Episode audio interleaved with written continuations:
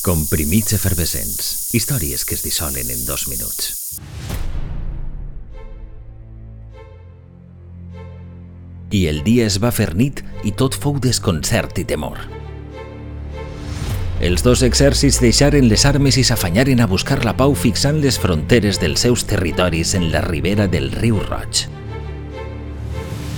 Poques voltes en la història la superstició ha jugat un paper tan positiu.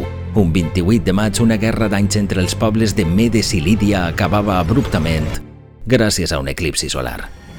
La cosa va passar en algun punt del que avui coneguem com el territori de Turquia, un senyal amenaçador del cel que no podia ignorar-se. Ningú s'explicava les raons i això infundia por en tots els pobles de la Terra o quasi ningú, perquè el ben cert és que aquell eclipsi que va finiquitar la guerra fou el primer que va ser pronosticat amb antelació.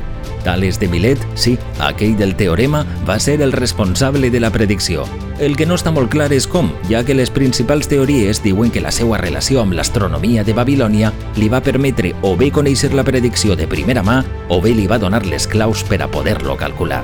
Els eclipsis són fenòmens més o menys freqüents i per tant pronosticables, però no era senzill elaborar una predicció encertada.